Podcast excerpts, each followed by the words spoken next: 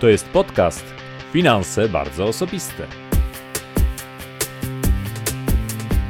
Gromadź oszczędności, ciesz się życiem, inwestuj i pomagaj innym. Ja się nazywam Marcin Ibuć, a Ty słuchasz właśnie audycji o zdrowym i sensownym podejściu do życia i pieniędzy. Zaczynamy! Cześć, witam Cię bardzo serdecznie w 112 odcinku podcastu Finanse Bardzo Osobiste. Od kilku tygodni bez przerwy walczymy z koronawirusem i wielu z nas w dalszym ciągu pozostaje w domu, martwi się o swoje zdrowie, a także o stan własnych finansów ale postanowiłem choć na jeden odcinek odejść od twardej finansowej tematyki i bieżących gospodarczych wydarzeń. Dla mnie pieniądze to tylko środek do celu. Celu, którym jest dobre, szczęśliwe, świadomie spędzone życie, takie życie, które jest pełną przygód i trudów, podróżą od jednego zrealizowanego marzenia do kolejnego. A skoro życie jest podróżą, to warto porozmawiać z doświadczonym podróżnikiem. Dlatego dzisiaj chciałbym zaprosić Cię do wysłuchania mojej rozmowy z niezwykłym człowiekiem. Człowiekiem, który od wielu lat podróżuje w miejsca tak niedostępne jak biegun północny i południowy, jak Spitsbergen czy masyw Winsona, czyli najwyższa góra Antarktydy. Ale podróżuje też chętnie w miejsca tak rzadko uczęszczane, jak własne wnętrze. I z tych podróży wraca z niezwykle ciekawymi przemyśleniami. Moim gościem jest dzisiaj Marek Kamiński. Polski podróżnik ekstremalny, innowator, filozof, przedsiębiorca i filantrop. Myślę, że w tym trudnym czasie przyda nam się wszystkim odrobina inspiracji, takiego głębszego oddechu i spojrzenia z odpowiedniej perspektywy na to, z czym właśnie się dzisiaj mierzymy. Zanim jednak posłuchamy odcinka, chciałbym zwyczajowo już bardzo serdecznie podziękować wszystkim osobom, które zostawiły recenzję tego podcastu w iTunes czy w innych aplikacjach. Te wasze recenzje bardzo motywują mnie do dalszej pracy, bardzo wam za nie dziękuję i w tym tygodniu chciałem podziękować szczególnie mocno użytkownikowi Julek1233, który 2 kwietnia napisał tak. Idealny. Jeden z lepszych podcastów, jakich słuchałem. Na temat, bez owijania w bawełnę i głupich żartów. Polecam wszystkim.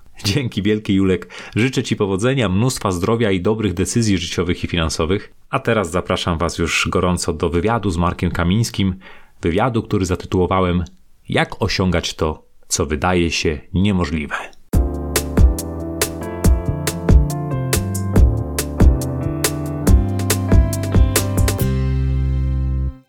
Moim dzisiejszym gościem jest y, Marek Kamiński. Witam. Podróżnik, filozof, przedsiębiorca, zdobywca dwóch biegunów, y, ale nie tylko. To jest również człowiek, który przeszedł pustynię Gibsona w Australii, który przejechał 30 tysięcy kilometrów z samochodem elektrycznym z Japonii przez Syberię aż po pustynię Gobi. I tak naprawdę, panie Marku, po pierwsze, bardzo jest mi miło, że przyjął pan nasze zaproszenie. Dzień dobry. Dzień dobry, witam.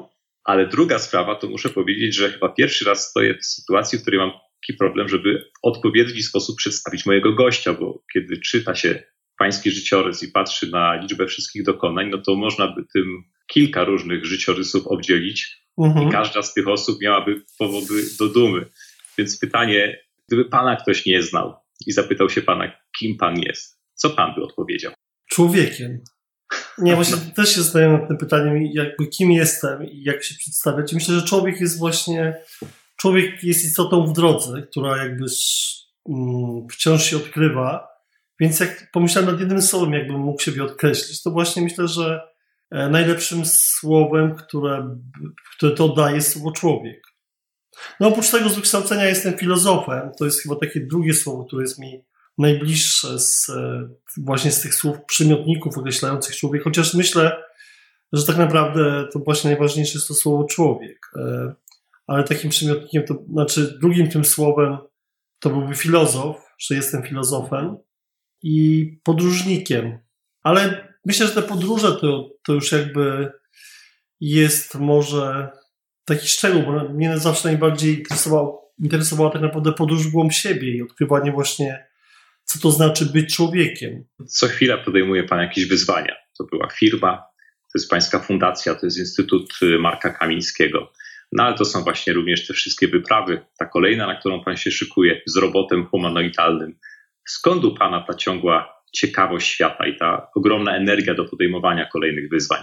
To jest właśnie ta definicja człowieczeństwa dla mnie. Człowiek jest, jakby rodzi się po coś, no, jest na tym świecie po coś, e, ma jakieś przeznaczenie. Przez, ja przez intuicję próbuję jakby dotrzeć do tego przeznaczenia i podążać za tym wewnętrznym głosem. Więc tak naprawdę te wszystkie podróże biorą się z tej podróży w głąb siebie i jakby te wszystkie pytania i te wszystkie kierunki znajduję raczej w sobie, nie na zewnątrz. To nie jest tak, że, że jakby ktoś mi podsuwa, teraz może pojedziesz tam, a teraz może zrobisz to. Raczej to ja zadaję sobie pytanie, co jakby, jaka jest najbardziej wartościowa rzecz, którą mogę w tej chwili zrobić, co jakby wynika w tej chwili z mojej drogi, dokąd mogę pójść dalej, czy może w ogóle nigdzie nie powinienem pójść. I jakby stąd się biorą te, mm, te cele i może ich jest za dużo, nawet jak sobie czasami myślę, że może tego wszystkiego jest za dużo, może mm, powinienem bardziej stać w miejscu i szczególnie teraz ta obecna sytuacja do tego tutaj refleksji nakłania, natomiast e, no zawsze te cele brały się bardziej z wewnątrz niż z zewnątrz i często też myślę o tym, że tak naprawdę te, też te cele wzięły się z książek, które przeczytałem w dzieciństwie. Te książki jakby zainspirowały mnie do tego, żeby myśleć właśnie o różnych celach, które chciałbym w życiu osiągnąć. I tak naprawdę większość z tych celów to wymyśliłem sobie jako dziecko. Znaczy, jako dziecko myślałem o tym, żeby dojść na biegun północny, na biegun południowy, żeby przejść przez pustynię, żeby, e, przepłynąć, żeby opłynąć jachtem świat dookoła. I później w zasadzie tylko i wyłącznie realizowałem te dziecięce marzenia. Także myślę, że dziecięce marzenia są bardzo ważne i ten świat wewnętrzny, który wtedy mamy, jest bardzo bogaty i, i warto o nim pamiętać. Tak przychodzi mi na myśl określenie człowiek w podróży, który realizuje przez całe życie swoje dziecięce marzenia. Ta sytuacja, w której znajdujemy się teraz, czyli pandemia koronawirusa i fakt, że zostali zamknięci na tej ograniczonej przestrzeni, czy to w jakiś sposób panu mocno doskwiera? Nie, absolutnie. Wręcz przeciwnie, jakby e, staram się odkryć zalety tej sytuacji i odkryłem jakby wiele zalet. Oczywiście nie jest tak, że jestem jakimś fanem tej sytuacji, że mi się ta sytuacja podoba. Absolutnie nie. Szczególnie ze względu na to, jakie to ma następstwa gospodarcze i, i społeczne. Ale jeżeli chodzi o, o mnie samego, to mi zawsze podobało się bardzo to zdanie Szekspira z Hamleta. E, choćbym był zamknięty w skorupce orzecha, i tak będę władcą nieskończonych przestrzeni. I jakby to zdanie od dzieciństwa mi towarzyszyło i nigdy jakby nie uważałem, że jakby ta przestrzeń fizyczna jest jakby najważniejsza w życiu i zawsze bardziej mnie interesowało to, co się dzieje jakby rzeczywiście w człowieku, w głębi. Wydawało mi się, że to jest ta, że tak powiem, prawdziwa rzeczywistość, jeżeli można tak powiedzieć.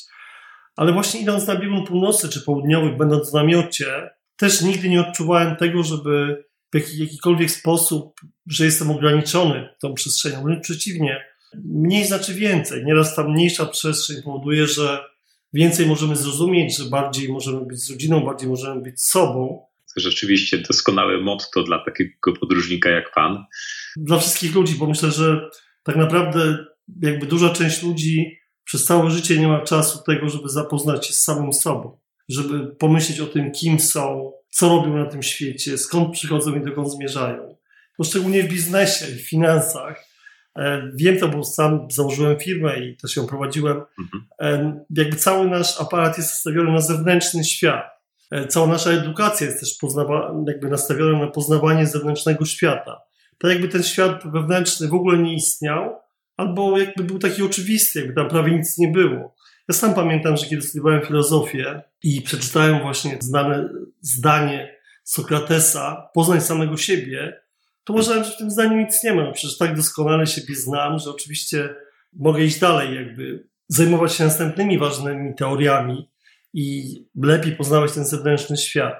Tymczasem uważam, że to zdanie jest właśnie fundamentem człowieka. Poznaj samego siebie, bo tylko poznając samego siebie możemy też poznać innych ludzi, możemy poznać ten świat. To zdanie jest ważne nie tylko dla podróżników, ale tak naprawdę dla wszystkich. Chciałem jednak jeszcze na chwilę zacząć od takiej sprawy bardziej przyziemnej. Pan jeszcze w czasach studenckich założył firmę. Firmę, która istnieje do dziś pod nazwą Invena. Jak wyglądała ta pańska wyprawa po świecie biznesu i na ile ta własna firma pomagała panu w realizacji marzeń, a na ile od nich odciągała? I jednocześnie pomagała i odciągała. Znaczy, założenie firmy, firmy Invena, było dla mnie w czasach studenckich pewną przygodą i też jako filozof nie za bardzo mogłem znaleźć pracy filozofa, a jednocześnie też rzeczywiście pociągały mnie różne projekty, pisanie książek, e, wyprawy, osiąganie niemożliwych jakby celów, takich jak bieguny, więc wydawało mi się, że mm, jakby taka przygoda z biznesem pozwoli mi lepiej, lepiej też zrozumieć jakby świat przez działanie, ale też e, pomoże mi te cele realizować. I dla mnie to, to był jeszcze jeden ważny cel w życiu. Ważny, ponieważ jakby firma to też ludzie, zespół, więc dla mnie to była taka wielka też intelektualna w jakimś sensie przygoda, poznawanie marketingu, finansów, logistyki. Z firmą jest trochę tak jak z górą lodową, że tylko jedna siódma jest, jakby wystaje plan powierzchni, a sześć siódmych jest pod wodą.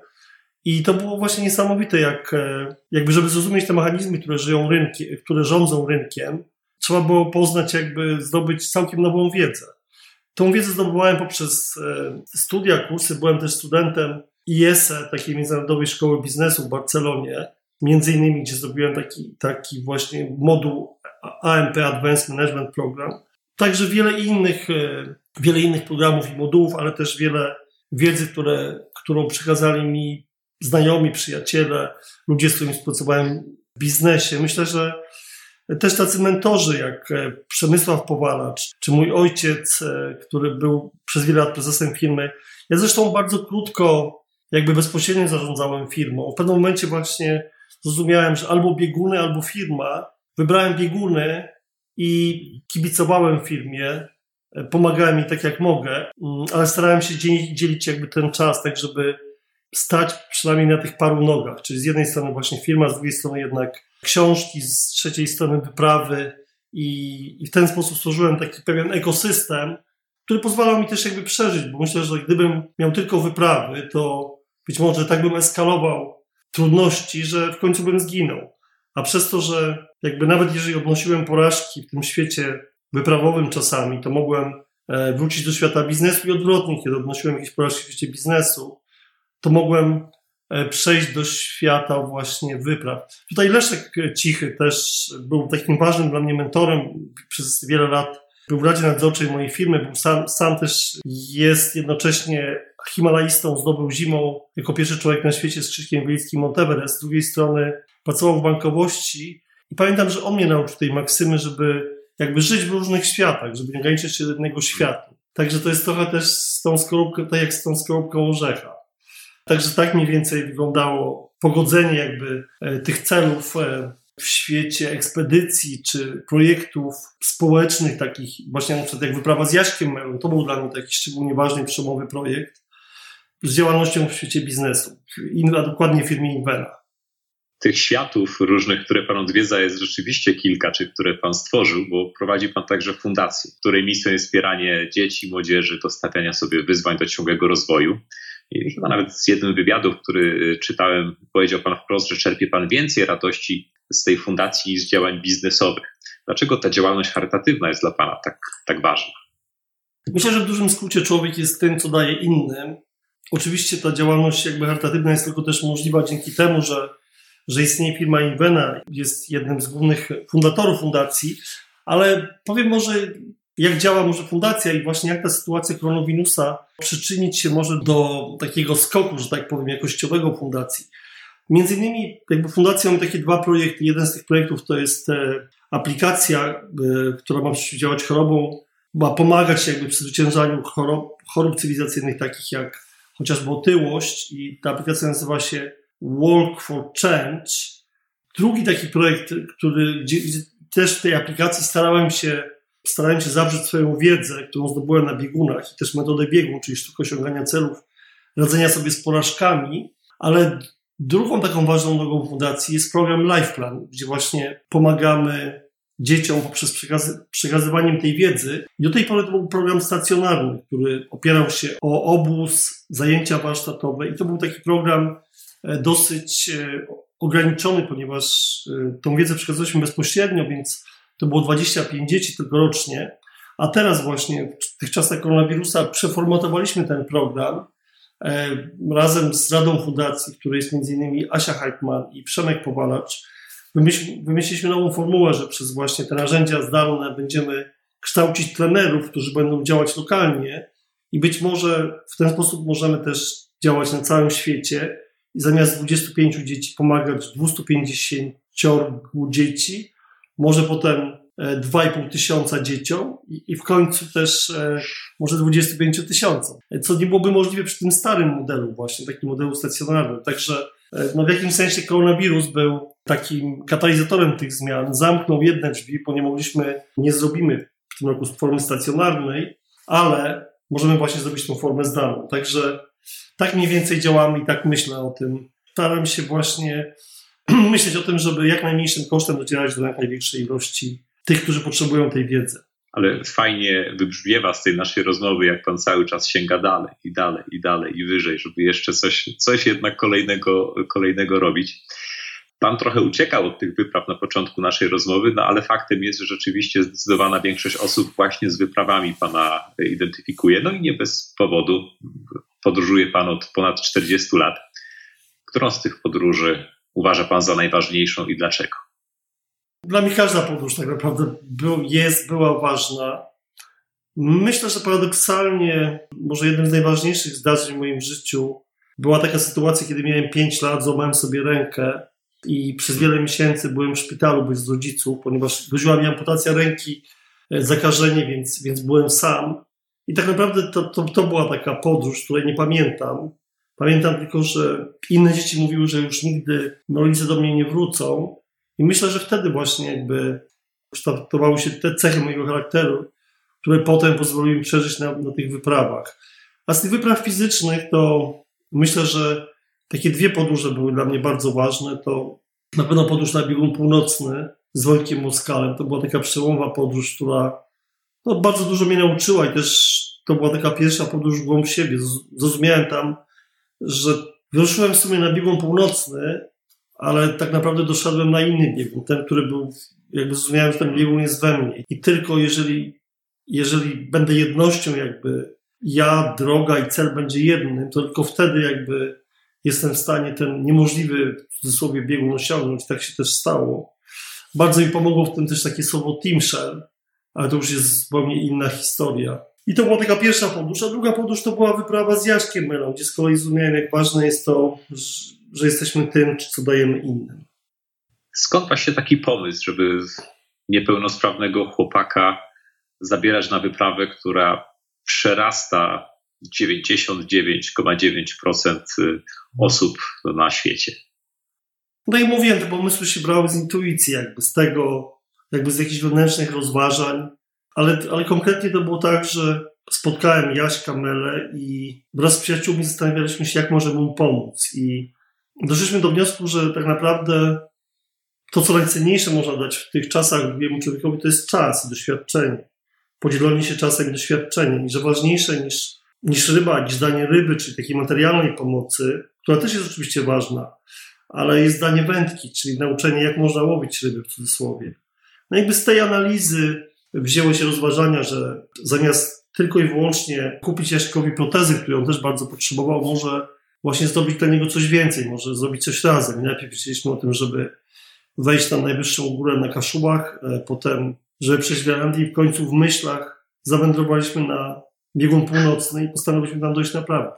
I potem w rzeczywistości naprawdę nie, niesamowite. Ja kiedy czytałem pańskie dzienniki z, z, z, tej pierwszej podróży z Wojciechem Moskalem, jak ciągnęliście te niezwykle ciężkie sanki, jak pociliście się w dzień, za chwilę ten pot zamarzał, jak y, wszystko tak naprawdę zamarzało w tych zimnych namiotach.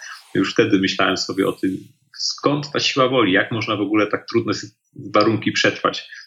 A za chwilę pojawia się informacja, że wyrusza pan w podróż z niepełnosprawnym y, chłopakiem. No, nie, nie jestem w stanie sobie wyobrazić po prostu, jak wielkie jest to przedsięwzięcie.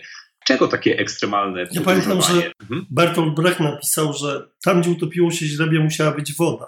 Jak wydaje mi się, że każda rzecz ma swoją przyczynę mimo wszystko. Myślę, że większość e, takich zdarzeń człowiekowi, rzeczy ponadprzeciętne, ma swoje korzenie w dzieciństwie i często jest to e, jakby ten brak w dzieciństwie chcemy jakby skompensować tym wyjściem ponad przeciętną. Czytając o Panu, trafia się szybko na taką listę, z której, którą można streścić tak. Wyprawy, sukces. Biznes, sukces. Fundacja, sukces. Widzimy po prostu ten efekt końcowy, ale nie widzimy tego, co było po drodze. A pan sam z pokorą na swojej stronie pisze, że, y, czy to w wywiadzie, który przeczytałem, że lepiej przeżyć mądrą porażkę, z której człowiek dowiaduje się czegoś o świecie i o sobie, niż głupi sukces. To czy podzieliłby się pan z nami jakąś historią o czymś, co było dla pana taką pouczającą porażką? Nie, no myślę, że moje życie to w ogóle jest jakby, to jest sterta porażek. Tak naprawdę moje sukcesy były zbudowane na porażkach i takich porażek było bardzo wiele. Myślę, że. Nikt w to nie uwierzy, pani Myślę, że bardzo świetnie to określił też minister Churchill, który powiedział, że sukces to jest przechodzenie od porażki do porażki bez utraty entuzjazmu. Rzeczywiście w moim życiu było bardzo wiele porażek, takich jak właśnie chociażby ta sytuacja w dzieciństwie, kiedy właśnie byłem bez rodziców przez tak długi czas. Pamiętam, już żeby tak podać takie bardziej bliższe może dorosłemu życiu porażki, to w pewnym momencie rzuciłem studia filozoficzne, poczułem, że muszę robić coś innego. Postanowiłem zbudować jacht.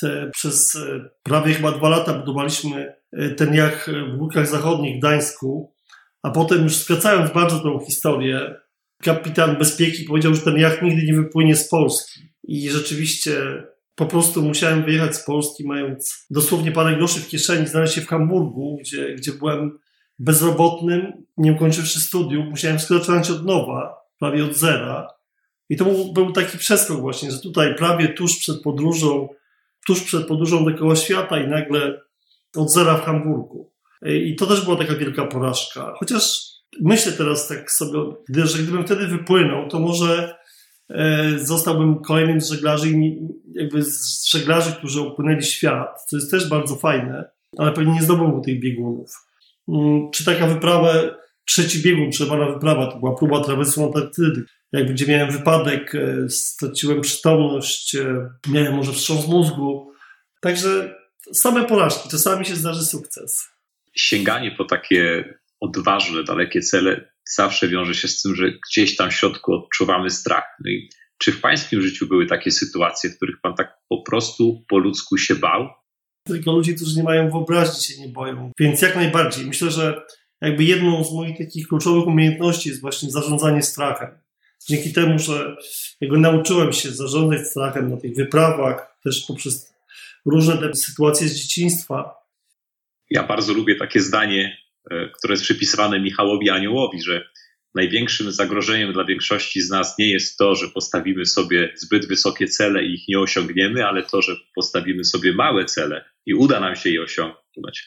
Właśnie powód, dla którego często te cele są takie małe, no to jest ten, ten strach, ta ubawa, czy nam się uda. Co mógłby doradzić Pan tym z nas, którzy chcieliby pozbyć się takich ograniczeń i myśleć i działać odważniej? Ja myślę, że przede wszystkim to, że, że często zajmowanie się czas, który poświęcamy na przykład na zdobycie bieguna i na jakiś taki inny, też długofalowy cel może być bardzo podobna, tylko jakby konsekwencje mogą być różne.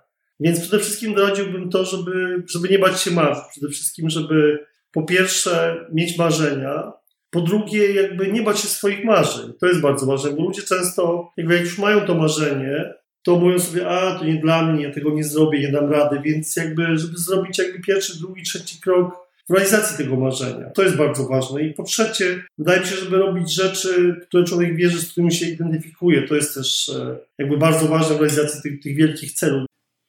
A z, z, czego, będzie trudne pytanie, wiem, że ono, ono jest krótkie, ale jest trudne. Z czego jest Pan najbardziej dumny? Znaczy, najbardziej jestem dumny chyba z tego, że zawsze starałem się robić rzeczy, które wierzę. Zawsze starałem się robić takie rzeczy, które uważałem, że, że to ma sens po prostu. I tyle. I teraz jak myślę o tej swojej, o tym, co zrobiłem, to właśnie wciąż dla mnie to ma sens. Jakby nic się nie zdewaluowało. Nie zmieniłbym prawie żadnego kroku. A osiem języków, których pan nauczył się po drodze. Nie wiadomo kiedy, bo patrząc na to, ile pan już e, zrobił, to wydaje się znaczy, to wręcz niemożliwe. Może nie nauczyłem się ich biegle. Jeden znam lepiej, drugie, drugie może trochę słabiej, ale, ale te języki zawsze były im potrzebne. Znaczy ja uważam też e, na filozofii, e, moim takim jednym z mistrzów był Ludwig Wittgenstein, który napisał, że granice mojego języka są granicami mojego świata ale technicznie rzecz biorąc, to uczyłem się tych języków, bo miałem do czynienia z, jakby z tymi obszarami, czyli jakby dużo na początku swojej kariery zawodowej pracowałem z Włochami, więc nauczyłem się włoskiego, chodziłem do szkoły włoskiej w Florencji, w Rzymie. chodziłem też do szkoły języka japońskiego cudzoziemców w Tokio, studiowałem w Niemczech, studiowałem w Hiszpanii, w Barcelonie, e, studiowałem właśnie filozofię w Hamburgu, więc te języki były mi potrzebne do tego, żeby żyć, ale z drugiej strony żyć i przeżyć, a z drugiej strony po prostu ja znajduję w tym przyjemność. Uczenie się języka e, to jest dla mnie taka przyjemność jak czytanie dobrej książki.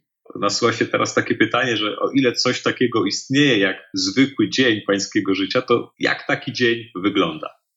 Taki zwykły dzień polega na tym, że rano wstaję, ćwiczę trochę jogę, rozciągam się, potem medytuję.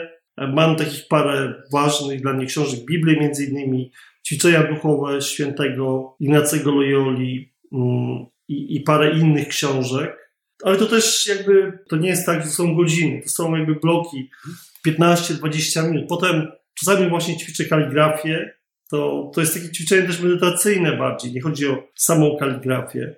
I potem pracuję, to, to jest, wstaję o 6 rano, więc te, te rzeczy zajmują mi około godziny, e, potem zajmuję się rodziną, potem jest, jest praca, która polega na tym, że uczestniczę w różnych projektach, spotykam się z ludźmi, dużo jeżdżę, przeglądam różne dokumenty, podpisuję, czytam, poprawiam, rozwijam jakieś projekty, jakieś wywiady mm, przy okazji, albo nagrania. Teraz myślimy o tym, żeby robić właśnie webinaria, więc są nagrania. No i staram się zawsze znaleźć jakąś chwilę na przeczytanie książki w ciągu dnia, kawałka chociaż książki, też na jakieś zatrzymanie się. No i potem jest e, powrót, powrót do domu, czy teraz ten dom to są jakby pokoje, które zmieniam, prawda, pokój pracy i, i pokój spotkań z rodziną. Mm, kolacja, obiad.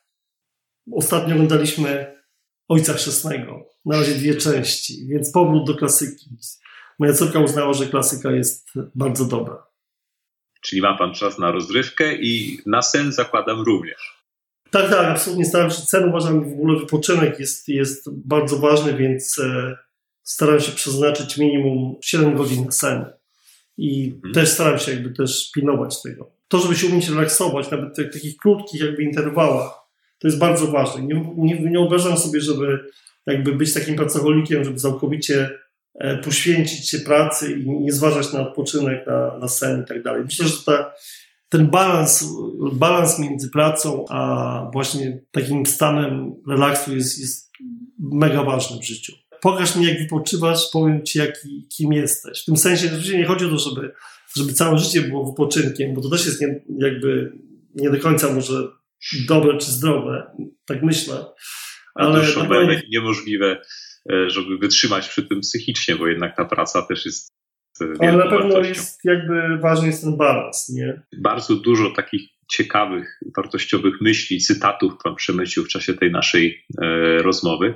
Tak się zastanawiam, gdyby miał Pan możliwość zrobienia ogólnoświatowej kampanii billboardowej, wykupić całą powierzchnię reklamową na świecie, żeby z jednym przesłaniem dotrzeć do wszystkich ludzi, to jak takie przesłanie by brzmiało? Hmm. Może to by było szukaj Boga we wszystkim. Mhm. Czyli Antony de Mello, tak? Był y, inspiratorem tej No myśli. tak, Eckhart, też myślę, że mistrz Eckhart. Ale Antony de Mello tak zatytułował swoją książkę, tak. Takie drugie zdanie, które może, może będzie bardziej praktyczne. Najdłuższa i najważniejsza podróż w życiu to podróż do własnego serca. Nie wiem, czy to się przyda Państwu, ale kto wie, w tych czasach może, może, może bardziej. Myślę, że to są rzeczy, które wynikają z Pana wieloletnich doświadczeń, przemyśleń i ma Pan to bardzo dobrze gdzieś tam w swojej głowie zapisane. Znaczy, tak, przypadek, bo... że tym się Pan dzieli, więc jestem przekonany, że to się Tak, myślę, że bez tych dwóch zdań nigdy bym nie doszedł ta, tam, gdzie doszedłem, ani na krańce świata, ani z Jaśkiem Melą, ani nigdzie. Także to wynika z mojej drogi po prostu. To jest moje dziedzictwo mojej drogi, że tak powiem. Czy to, co wyniosłem z tej drogi w takim największym skrócie. To jeszcze postaram się trochę wyciągnąć od Pana takich złotych myśli czy zasad. Gdyby nie mógł Pan swoim dzieciom zostawić żadnych dóbr materialnych, tylko jakiś taki zbiór zasad właśnie, które pomogą im w szczęśliwym życiu, to przychodzi Panu do głowy coś, co by na pewno na takiej liście zasad się znalazło? Staraj się przeżyć życie z sensem i żeby to miało sens przede wszystkim dla Ciebie. Ale to właśnie nie znaczy, że to jest egoistyczne. W dużym skrócie, rób rzeczy, przede wszystkim rzeczy, w które mocno wierzysz. Bardzo panu dziękuję e, za super odpowiedzi w ogóle. No, naprawdę tyle takiej mądrej życiowej filozofii. Ja wierzę bardzo w to, że jako finansista staram się pomagać ludziom w tym, żeby mieli pieniądze, bo jak mają pieniądze, mogą się poświęcać realizacji swoich pasji i marzeń. Nawet taką misję sformułowałem dla siebie, że chcę dotrzeć do 15 milionów Polaków, bo tyle jest gospodarstw domowych w Polsce i żeby w każdym takim gospodarstwie była przynajmniej jedna osoba, która wie, jak dbać o pieniądze, bo wtedy wszystko będzie w porządku i ludzie będą mogli swoją energię właśnie przekierować na realizację swoich marzeń i pasji. Tak, jeżeli mogę powiedzieć właśnie, absolutnie pieniądze jak najbardziej są ważne. Ważne jest tylko to, żeby one nie były jakby celem samym sobie. Ważna jest jakby. Dokładnie. Ważna jest ta droga, która do nich prowadzi.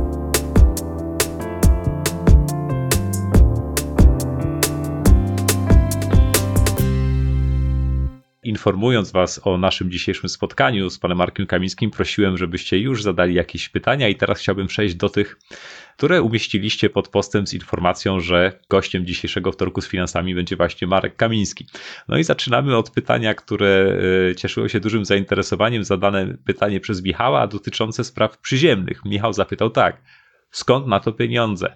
czyli o finansowaniu wypraw, oszczędzanie czy sponsorzy, ile kosztuje wyprawa, jak na nią finansowo trzeba się zabezpieczyć.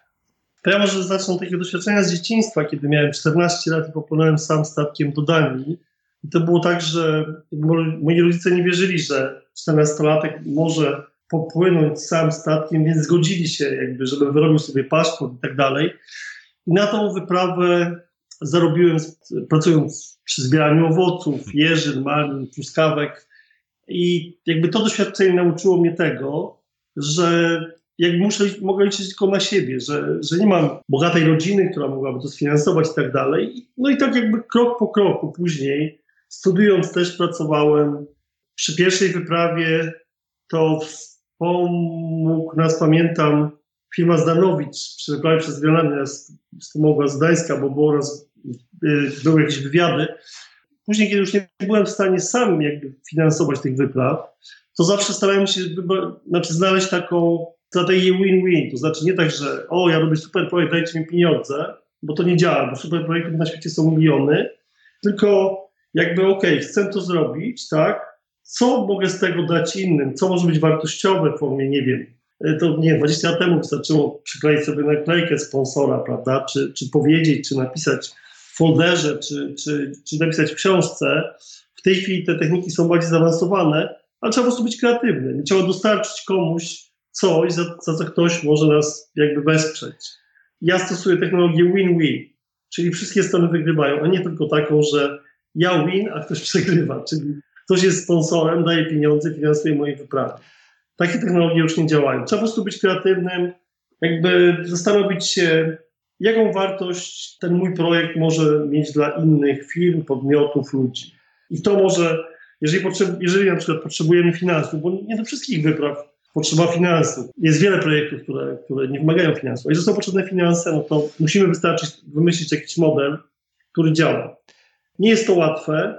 Powtórzę jeszcze raz ten przykład. Jak się chce iść na biegun północny, to pieniądze są jednym z problemów, które trzeba rozwiązać.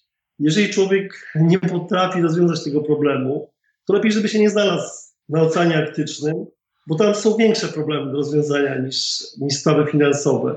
I tam jakby każdy błąd może kosztować życie. Jest problem, jak chcemy polecieć na Karaiby, tak, na urlop. To rzeczywiście wtedy jest największy problem. Jak rozwiążemy, to droga e, do tego bieguna karaibskiego jest otwarta. Super ale w przypadku prawdziwego bieguna, no to jakby to absolutnie nie wystarcza. E, przejdę teraz do pytania w takim razie od e, Michała, który, jak sądzę, śledząc listę pana dokonań i osiągnięć, zapytał tak: Co po osiągnięciu szczytu? Siada pan i odpoczywa, czy raczej myśli o kolejnym celu wymagającym jeszcze większej ilości pracy? Ja nigdy nie, nie byłem przywiązany do celu. Dla mnie zawsze była droga ważna niż cel, bardziej była ważniejsza niż cel. Więc jakby, jakby wszystko przeżywam po drodze. I kiedy już jestem u celu, to przeważnie jest mi smutno, że już to się kończy. Ale nie myślę jakby o tym, co będzie następne. Raczej staram się być tu i teraz i przeżyć ten moment. Więc ja zawsze staram się być jakby tu i teraz. Jak jestem na biegunie, to jestem tam, a nie jestem jakby już myślami gdzie indziej, bo mam takie jakby doświadczenie z wypraw nauczyło mnie teraz, że żyję się tylko tu i teraz. Jeżeli ciągle jestem myślami gdzieś indziej, to po pierwsze mogę łatwo stracić życie, bo jestem nieuważny, a po drugie, to jakby mnie nie było po prostu. Ciągle błądzę myślami gdzieś w przeszłości albo w przyszłości i kiedyś tak rzeczywiście też tak miałem, ale teraz nauczyłem się tego, żeby być tu i teraz. Jakby takie absurdalne wydaje mi się, że człowiek dąży do czegoś, żeby być na biegunie, a potem jest tam i myślę już o czymś innym. Jasne. Tak, po co tam idzie w ogóle, żeby jakby tylko zdobyć, żeby to odhaczyć, żeby być sławnym. Mnie to jakby nie interesowało specjalnie. Czyli warto się też pocieszyć tym celem, który uda nam się y, osiągnąć. Czy warto być jakby w każdym momencie, warto się cieszyć każdą chwilą, bo jakby nie wiadomo, co będzie dalej. Paweł zapytał nas, jak pracowało się panu z Jaśkiem Melą?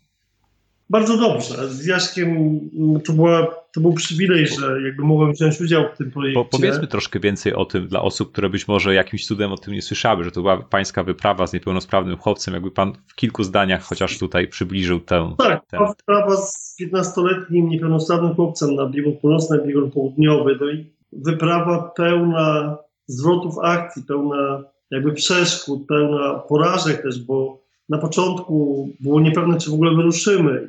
I ja za, zawsze dla mnie jakby było najważniejsze, żeby przekazać Jaśkowi, że właśnie liczy się tu i teraz, że nieważne, czy dojdziemy na ten biegun tak do końca. Niby to było ważne, ale najważniejsze, żebyśmy dobrze przygotowali, że same te przygotowania już nam dają jakby kondycję fizyczną, kondycję psychiczną, więc e, Jasiek uwierzył jakby w, w tą misję, że on też nie idzie tylko dla siebie. Myślę, że dzięki Jaśkowi też zrozumiałem, że człowiek jest czy jest tym, co daje innym. Pamiętam, że miałem taką refleksję też, jak e, już doszliśmy z Jaśkiem na obydwa bieguny, że te wszystkie bieguny, które były przedtem, czyli ten biegun północny i południowy, to były przygotowania do tego właśnie, żeby wyruszyć na wyprawę z Jaśkiem. Więc to była naprawdę taka kropka nad i. Prowadzi pan także fundację Marka Kamińskiego i jest pytanie od Magdy, dlaczego tyle czasu spędza pan poświęcając się działalności charytatywnej? Dlaczego to jest dla pana takie ważne i co panu to daje? Nie robię tego sam, bo, bo też pracuję z zespołem jakby fundacji. Dla mnie to właśnie daje ten sens życia, że dla mnie to jest tak, fundacja jest taką dźwignią, że swoje jednostkowe doświadczenie, czyli to, że mi się udaje dojść na biegun, czy, czy właśnie zrobić tą wyprawę z Jaśkiem Melą, że dzięki programom fundacji mogę lewarować jakby, to jest termin też z finansów, tak. że mogę lewarować doświadczenie na, na ludzi, którzy jakby tego doświadczenia potrzebują. Takim drugim jakby dnem wyprawy na biegun południowy w 1995 roku była, było ratowanie takiego oddziału chemioterapii dla dzieci tutaj w szpitalu w Gdańsku. Dostałem mail od tych dzieci właśnie. Byłem na stacji na biegunie południowym i pamiętam, że dla mnie to właśnie w tym momencie się popłakałem, że to był najbardziej wzruszający moment wyprawy. Nie wcale to, że ja doszedłem, że udało mi się, ale właśnie to, że wzruszający list od dzieci i rok później połowa z tych dzieci umarła. I dla wielu z tych dzieci to była pierwsza i ostatnia wyprawa w życiu. Po tamtym doświadczeniu te moje wyprawy nie będą takie same, czyli już nigdy nie będę chodził po to, żeby tylko coś zdobyć fundacja nadaje sens tej mojej jednostkowej działalności tym wyprawom. Bez fundacji i bez tego, że te, przez fundację i przez programy fundacji te, te wyprawy pomagają innym, to dla mnie te wyprawy nie miałyby większego sensu. I nie chciałbym się ani jechać 30 tysięcy kilometrów do Japonii, ani robić wyprawy z robotem, e, ani robić żadnych innych wypraw. No właśnie, kolejna pana wyprawa, która się szykuje, to wyprawa w towarzystwie robota humajdo... Hu... Jak się mówi? Humanoidalnego. Humanoidalnego robota, Human. który będzie pańskim kolejnym towarzyszem podróży. Skąd taki pomysł? Ktoś stoi przed takimi trzema wyzwaniami. To jest właśnie singularity, sustainability, social empowerment, czyli to są wyzwania związane z sztuczną inteligencją, ze zrównoważonym rozwojem i z, z taką siłą jednostki i jakby siłą społeczeństwa, czyli po angielsku to jest self czy social empowerment. No i właśnie jakby z tej analizy wzięła się koncepcja tej wyprawy, czyli żeby razem z robotem humanoidalnym, samochodem elektrycznym, z takim właśnie znakiem pokory wobec natury, wyruszyć podróż dookoła świata, po to też, żeby dzielić się też tą metodą biegu i dawać ludziom narzędzia do tego, żeby lepiej siebie zrozumieć, lepiej radzić sobie z porażkami. No i teraz szczególnie w czasach koronawirusa to ma jeszcze większy sens. E, jakby cały czas te 3S są aktualne, Z tym, że o ile przedtem, przed koronawirusem, to, to jakby tym największym sensem e, były właśnie rzeczy związane z, z naturą, z emisją CO2, to wydaje mi się, że teraz jakby w centrum jest człowiek. Człowiek i to, że w tej chwili żyjemy w strachu, żyjemy w niepewności. Teraz zapytam pytanie od Radka. Radek pyta, czym się pan motywuje w chwilach kryzysu? No właśnie, czy jakiś kryzys taki też może pan przytoczyć, który się panu przydarzył? Czym się motywuję? To, to jakby są różne rzeczy. Po pierwsze, staram się być tu i teraz, staram się jakby używać też takich trzech słów, które się nauczyłem podczas pielgrzymki do Kamino. Akceptacja, wdzięczność i uważność, czyli akceptacja tego, co przynosi droga, wdzięczność za to, że w ogóle żyję, bo wielu moich przyjaciół nie żyje, czy uważność, czyli bycie tu i teraz. Ale mówiąc konkretnie, to nieraz bardzo mi pomaga poezja, um, jakieś sytuacje, które wspominam. Wydawało się, że jest beznadziejnie, a mimo, tego, mimo wszystko z tego wyszedłem. Chociażby taki kawałek wiersz z Gałczyńskiego, z pieśni bodajże, Ile spotkań, ile rozstań ciężkich godzin w miastach wielu i znów upór, żeby powstać, żeby wstać i iść do celu. Tak jest taki jeszcze inny wiersz, który pamiętam, paradoksalnie to jest wiersz Sergiusza Jesienina, który napisał przed swoją śmiercią w hotelu Angleterre. Paradoksalnie to, to jest, właśnie zawsze się nad tym zastanawiałem, że wiersz człowieka, który jakby żegnał się z tym światem, bardzo pomagał mi pozostać na tym świecie. To jest taki wiersz, do widzenia przyjacielu, do widzenia, miły mój, od krwi serdecznej bliższy. Temu życie przeznaczone jest rozstanie, obietnicą pojednania błyszczy.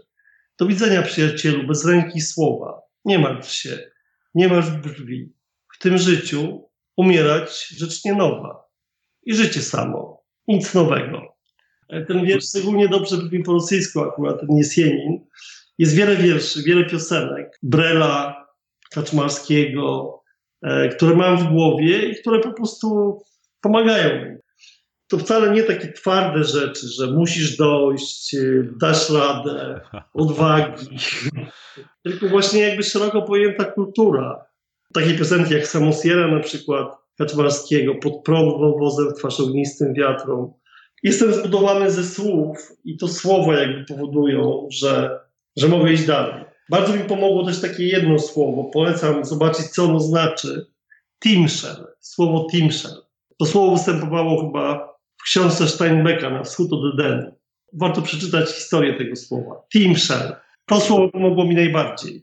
Szanując bardzo Pana czas, e, zadam już ostatnie pytanie, ale myślę bardzo ciekawe, które przygotował dla nas Gracjan. Co musiałby Pan osiągnąć, żeby poczuć wewnętrzne spełnienie? Droga jest ważna, a nie cel. Naprawdę cel jest ważny po to, żeby wyruszyć w drogę. Nie ma takiego celu, który by spowodował, żebym się miał na nim zatrzymać. Liczy się tylko droga. Panie Marku, dziękuję bardzo za ogromną dawkę inspiracji i życiowej mądrości wynikającej nie tylko z Pana doświadczenia, ale też z tych niezwykle szerokich doświadczeń, lektur, studiów. Zna Pan osiem języków, filozofia, fizyka, biznes. E, czy jest coś, co my możemy zrobić dla Pana, żeby pomóc Panu w realizacji jakiegoś marzenia czy jakiegoś projektu? Zachęcam do, do, do wejścia na stronę www.marekamiński.com. Tam są jakby te trzy sztandarowe projekty, którymi się zajmujemy, czyli Life Plan, to jest taki program motywacyjny dla młodzieży. Work for Change to jest aplikacja, którą, którą zachęcam do ściągnięcia z Google Play, czy z Apple Store, czy skądkolwiek. I Power for Change. No przede wszystkim proszę Was o dobre myśli, i dobrą energię i to jest dla mnie najważniejsze. A jeżeli po wejściu na stronę marekamiński.com uznacie, że w jakikolwiek sposób możecie nas wesprzeć, czy radą, czy, czy wsparciem takim mentorskim, czy pomocą finansową, to będę bardzo wdzięczny. Ale najważniejsza jest dobra energia. Przesyłamy tony tej dobrej energii. Bardzo serdecznie dziękuję za poświęcony czas. Naszym gościem był dzisiaj Marek Kamiński. Dziękuję Wam bardzo gorąco za wszystkie pytania, za obecność i do zobaczenia za tydzień. Wszystkiego dobrego.